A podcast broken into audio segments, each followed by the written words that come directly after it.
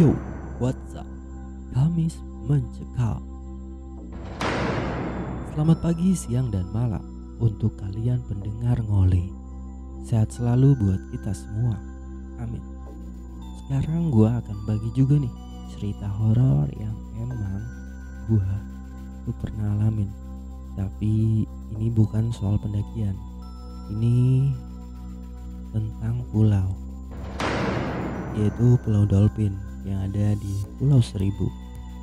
Tentunya gue nggak sendiri. Kala itu gue berangkat sama teman-teman gue. Di antaranya ada Kocong, Dongkal, Pampam, Nardi, Obat, dan mantannya Obat. Kita masuk ke cerita. So, listen up. Mari kita dengarkan ngoli ngocehnya Wiley. Chapter 1 Wajib pamit ortu Jadi di hari Kamis itu biasa gue pocong sama obat itu lagi nongkrong.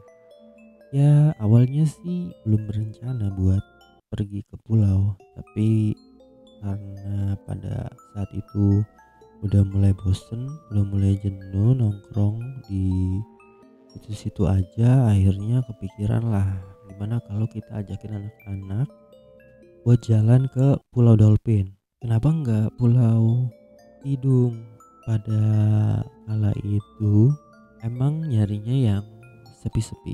Karena emang di Tidung itu kan cukup rame ya. Jadi mendingan di Pulau Dolphin lah biar lebih private dan emang lebih seru-seruan barengnya tuh lebih enak aja sih sama anak-anak singkat cerita di esok harinya udah mulailah gua bless ngomong ini ngomong itu ke anak-anak mulai ajakin satu persatu buat mulai berangkat di hari Sabtu subuh jalannya Kamis mulai rencana Jumat ajakin anak-anak dan Sabtu subuh baru jalan ke Angke. Akhirnya di hari Jumat malam seperti biasanya ngumpul lagi di rumah temen gua, obat namanya. Di situ mulai pada ngumpul, nongkrong satu persatu baru pada datang. Mulailah kita cari satu orang ini yang emang gak ada kabarnya nih ke mana nih dia. Ternyata si Pam Pam lagi sibuk ngurus barang-barang bawaannya buat ke pulau dia cari-cari yang bisa dibawa untuk ke pulau. Singkat cerita azan subuh udah mulai berkumandang. Akhirnya gua dan anak-anak pun mulai jalanlah semua ke Muara Angke. Tapi tapi obat jemput dulu mantannya. Habis itu barulah kita semua jalan ke Angke. Sampainya di Angke itu harusnya janjian kapal feri itu di jam setengah enam. Tapi berhubung kapal ferinya telat akhirnya ya udahlah baru pada jalan itu sekitar setengah tujuh pagi di hari Sabtu. Dan keadaan di situ rame banget banget banget lah. Kalau weekend ke pulau emang ramenya minta ampun di Angke. Akhirnya mulailah naik kapal feri kita mulai nyebrang di pertengahan. Sebelum ke pulau Dolphin itu kita juga harus menepi dulu ke pulau Harapan. Ya kalau pesawat transit lah. Kita ganti lagi kapal ferinya baru menuju ke pulau Dolphin. Cuma di pertengahan mau menuju Pulau Harapan, cuaca yang tadinya terang akhirnya mendung lah anak-anak yang tadinya ada di area kapal feri itu pada masuk semuanya ke dalam ngumpet dari hujan. Nggak lama akhirnya kita mulai sampai di Pulau Harapan. Nah di Pulau Harapan ini emang pulau yang cukup uh, ramai juga dan banyak banget orang-orang yang sebelum menuju Pulau Tidung atau Pulau Dolphin atau pulau-pulau yang lain itu memang sepertinya transitnya tuh di Pulau Harapan. Dan akhirnya kita mulai belanja-belanja dulu di Pulau Harapan karena emang ada warung di situ. Kita stok dulu lah makanan karena di Pulau Dolphin seperti yang udah di riset sama obat dan kawan-kawan di sana tuh emang bener-bener nggak penghuni. Jadi ya cuma pohon-pohon tinggi udah ikan ya dan anak-anak. Dan gak ada warung-warung dagang kopi gitu gitulah di sana. Akhirnya belanjaan udah pada nyetok dan kita mulai lanjutkan lagi perjalanan menuju ke Pulau Dolphin. Di situ kita naik kapal yang agak-agak kecil lebih kecil dari yang pertama. Ya lumayan agak serem sih karena memang ombak-ombak di pulau itu kan agak-agak membahayakan. Akhirnya kita pun bergegas naik ke kapal itu dan lanjut ke Pulau Dolphin. Kurang lebih sekitar satu jam mungkin ya itu udah sampai di Pulau Dolphin di perjalanan kita banyak sekali ngeliat ikan-ikan dan lumba-lumba juga ada yang emang loncat. Oh itu indah banget. Dan akhirnya mau berenang cuma ngeri juga sih dalam banget. Akhirnya tahan dulu lah berenangnya. Kita benar-benar tunggu sampai di area Pulau Dolphin. Sampailah kita di Pulau Dolphin seperti biasa anak-anak pada main air, main pasir, lari-larian. Ya gak ada hal-hal yang memang menyeramkan. Dan malam pun tiba, akhirnya kita mulai bangun tenda, lalu nyari beberapa kayu bakar atau kayu kering yang buat kita jadiin api unggun. Gua dan dongkal nyari kayu bakar. Anak-anak yang lain ada yang nyiapin tenda dan nyiapin juga buat api unggun. Gua dan Ongkal itu cuma bawa satu senter. Akhirnya gua coba nyenterin yang megang senter itu gue dan Dongkal di belakang gue. Kita berdua agak jauh sih nyari uh, kayu bakarnya karena memang posisi tenda kita yang terlalu pinggir dekat laut jadi pohon-pohon dan hutan itu emang agak ke dalam gitu. Akhirnya gua dan dongkal pun masuk ke beberapa pohon pohon tinggi itu buat nyari ranting-ranting kayu kering buat dibakar.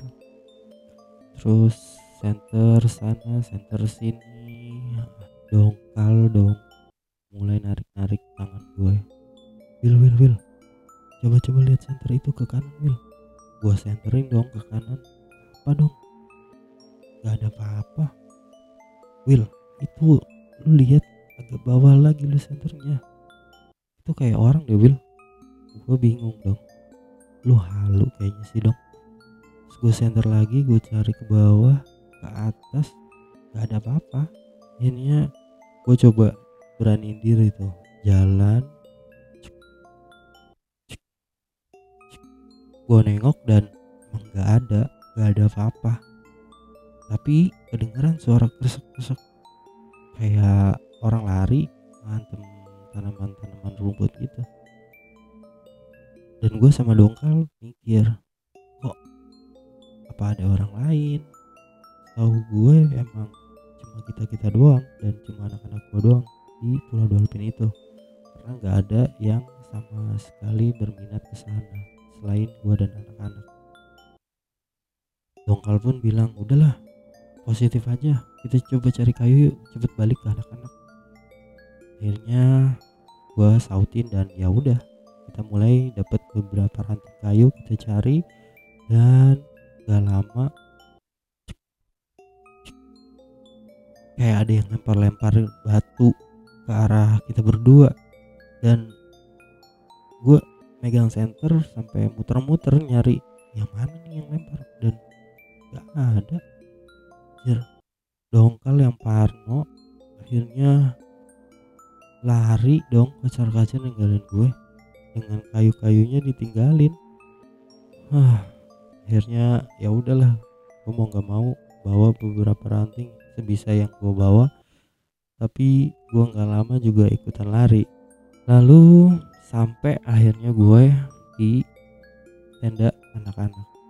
Di situ dongkal udah mulai ngeriung sama yang lain. Deket banget api unggun dia nyari yang terang-terang karena memang itu kiri kanan depan belakang gelap. Dan ya cuma laut yang terlihat sinar bulan gitu loh. Jadi nggak terang-terang amat dan pencahayaan yang paling terang itu cuma dari api unggun di situ gue ingat pam-pam yang udah nyiapin beberapa ikan dari rumah dibawa dong sama beberapa cumi udang yang anak-anak di Pulau Harapan kita mulai bakar-bakaran. Di situ mulailah main bakar bakaran mulai main masak-masakan dan musik pun terdengar dengan kencang. Nah dekat api unggun itu gue masih bersebelahan sama dongkal. Ya gue sama dongkal masih sikut-sikutan masih nanya-nanya itu suara apa. Dan masih mikir apa emang ada orang selain gue dan anak-anak itu ya di Pulau Dolphin ini. Ya dongkal tetap mikir yang positif dan udahlah mungkin juga angin atau apa gitu kan. Akhirnya gue dan dongkal tetap coba positif dan gak mengumbar ke anak-anak yang lain. Ya balik lagi gue takutnya merubah mood jadi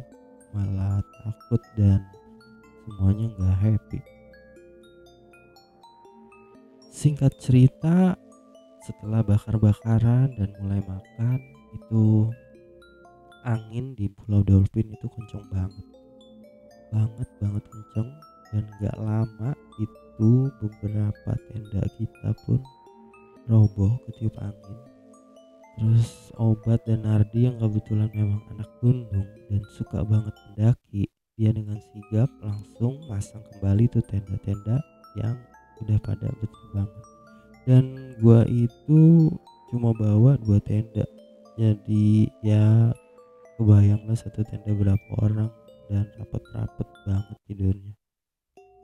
Nah si tenda itu udah mulai terpasang lagi gak lama rintik hujan turun. Api unggun yang tadinya nyala lama perlahan mulai padam. Dan gua sama anak-anak masuk ke tendanya masing-masing. Setelah 10 menit kurang lebih itu hujan udah mulai makin deras lagi dan angin juga udah makin gak nyantai. Jadi pas kita di dalam tenda itu udahlah angin kencang hujan juga deras. Habislah tuh tenda diguyur hujan dan ya anak-anak cuma bisa berdoa dan megang beberapa pojok dari tendanya biar nggak terbang gitu kan. Itu terjadi selama kurang lebih dua jam. Dari jam 9 malam itu sampai ya jam 10-an lah lewat itu malam kejadiannya. Hujan tenda pada habis semua. Basah kuyup dan ya udah akhirnya anak-anak semua keluar lagi dan hujan udah agak reda tendanya pun ditebar-tebar gitu loh sampai akhirnya air-air yang di tenda pun udah pada turun biar nggak ngegenang. Terus mulai pasukin lagi tenda-tendanya mulai berdiri lagi tenda-tendanya dan anak-anak mulai masuk lagi ke tenda. Di situ pam-pam mulai ngeluarin kartu remi akhirnya anak-anak semua yang tadinya mau tidur pun diajak main bareng dan keluar lagi buat main kartu remi. Tapi di situ gua inget banget karena itu idenya Pampam buat main kartu dan api unggun juga udah mati. Dan kalaupun nyari ranting pohon juga udah basah. Akhirnya ya kita main di tengah deket tenda di luar dari tenda deket api unggun yang udah padam dan Obat sama Nardi masang beberapa lampu untuk cahaya kayak dari center gitu diarahin ke tengah. Kita semua mulai main kartu rem dan gak lupa musik masih terdengar kencang. Satu, dua, tiga putaran itu masih wajar ketawa hai dan kenceng banget anak-anak ketawanya. Pas gak lama mulai ada suara-suara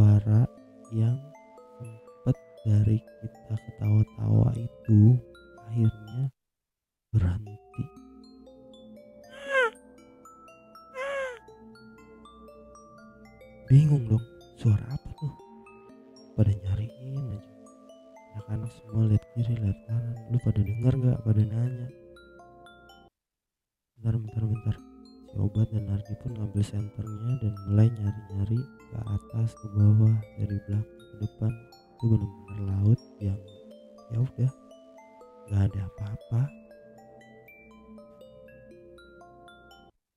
Akhirnya tetap semuanya positif dan berdoa dalam hati buat minta dijaga dari gangguan-gangguan makhluk-makhluk itu yang tak kasat mata center pun yang tadinya dipegang ditaruh kembali dan mulailah kita main lagi kartu remi tapi dengan suara yang lebih pelan ketawa pun juga udah agak berkurang.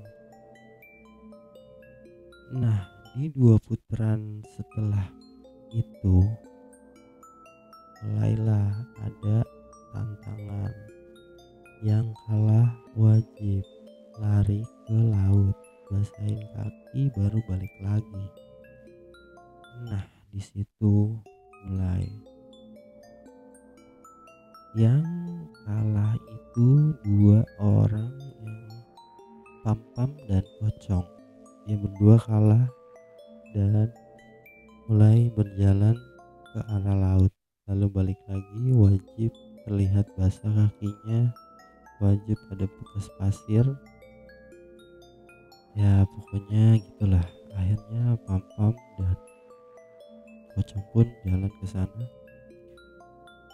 sekali itu nggak apa-apa.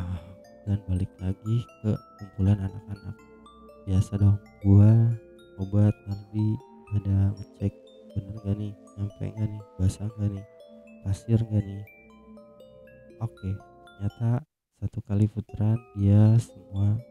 Oke ternyata mereka benar dan tanggung jawab. Sesuai dengan perjanjiannya akhirnya ide gue muncul lagi. Kayaknya kalau berdua biasa deh. Coba yuk sendiri. Sebagian anak-anak sih pada takut. Weh jangan dong. Itu aja gue berdua udah lari-lari biar cepet. Udah yuk ayo. Ya udahlah akhirnya obat pun ngebagiin lagi kartunya. Nah mulai satu putaran dan ternyata yang kalah itu pam pam. Kalah lagi. Dia kalah lagi. Dan mau gak mau harus jalan sendiri ke laut. Basahin kakinya dan balik lagi ke kumpulan anak-anak. Pam pam di situ udah bilang Will. Nar gue kayaknya gak berani deh kalau sendirian. Gue tadi lari soalnya. Ya lu kalau nggak berani ngapain lu main? Udahlah jalanin aja. Orang kalah tanggung jawab dong. Akhirnya si pam pam tetep maksain mau gak mau dia harus kalah jalan ke laut dan akhirnya dia lari kocar kacir itu tanpa senter jadi setiap yang kalah jalan ke lautnya itu ya gelap-gelapan. Kita hanya bantu senter arah ke sana aja ke arah laut arah dia jalan. Untuk sampai lautnya itu mereka harus gelap-gelapan. Pam pam lari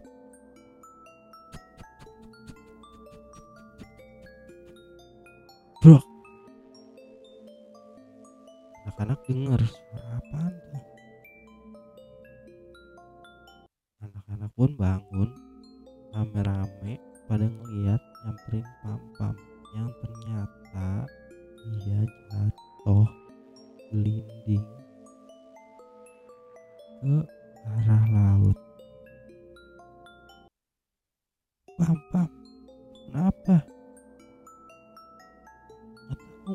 gue tiba-tiba aja nggak tahu gue tiba-tiba aja ada ada kayak ada yang jengkel kayak ada yang megang kaki gue terus kayak ada yang megang kaki gue terus gue jatuh. Wah lu halusinasi kali pam enggak ini gue bisa jatuh gue lari buru-buru ke laut. Cuma emang berasa banget. Gue ditarik terus gue jatuh akhirnya gue dan anak-anak pun bangunin pam-pam itu udah sekitar jam 12 malam lah kalau nggak salah tuh. Akhirnya udahlah. Main remi pun diberakhirin dan pam-pam yang tadinya jatuh dibangun. Udah balik ke tendanya masing-masing.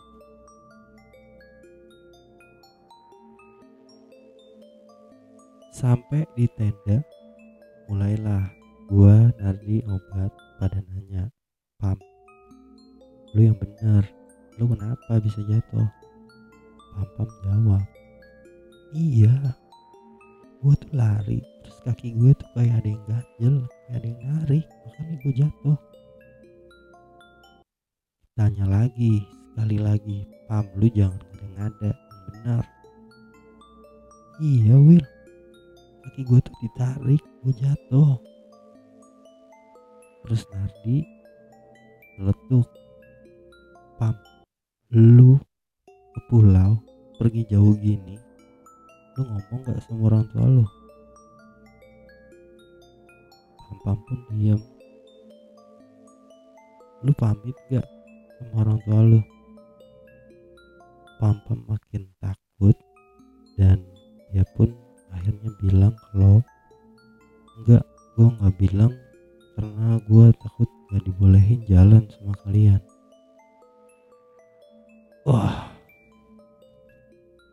Sebelum lanjut ke cerita pam pam itu emang temen gue yang paling paling bandel paling paling liar paling paling seruntulan yang gak bisa dilarang sama ortunya. Jadi ya udahlah sebelum gue lanjut ke cerita selanjutnya sepertinya gue tutup dulu aja buat di chapter one ini. Dan terima kasih buat para pendengar ngoli. Tetap pantengin terus Jo dan tetap di rumah aja sambil dengerin ngoli karena chapter 2 selanjutnya masih di Pulau Dolphin akan gue ceritain. Kalau ini bermanfaat dan cukup menghibur mari dipublikasikan bersama. Let's talk